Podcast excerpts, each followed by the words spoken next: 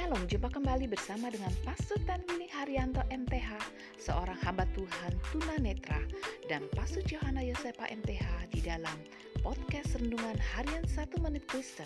Selamat menikmati.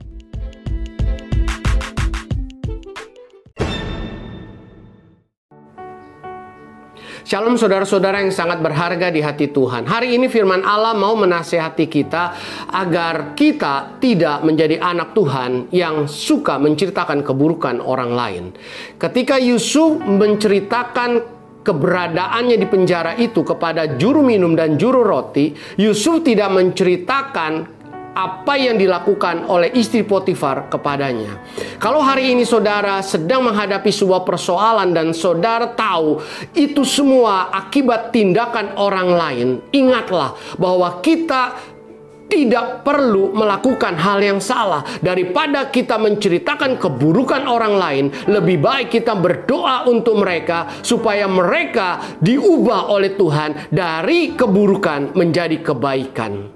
Ingatlah bahwa Tuhan mau kita anak-anaknya tidak menceritakan keburukan-keburukan orang lain. Amin.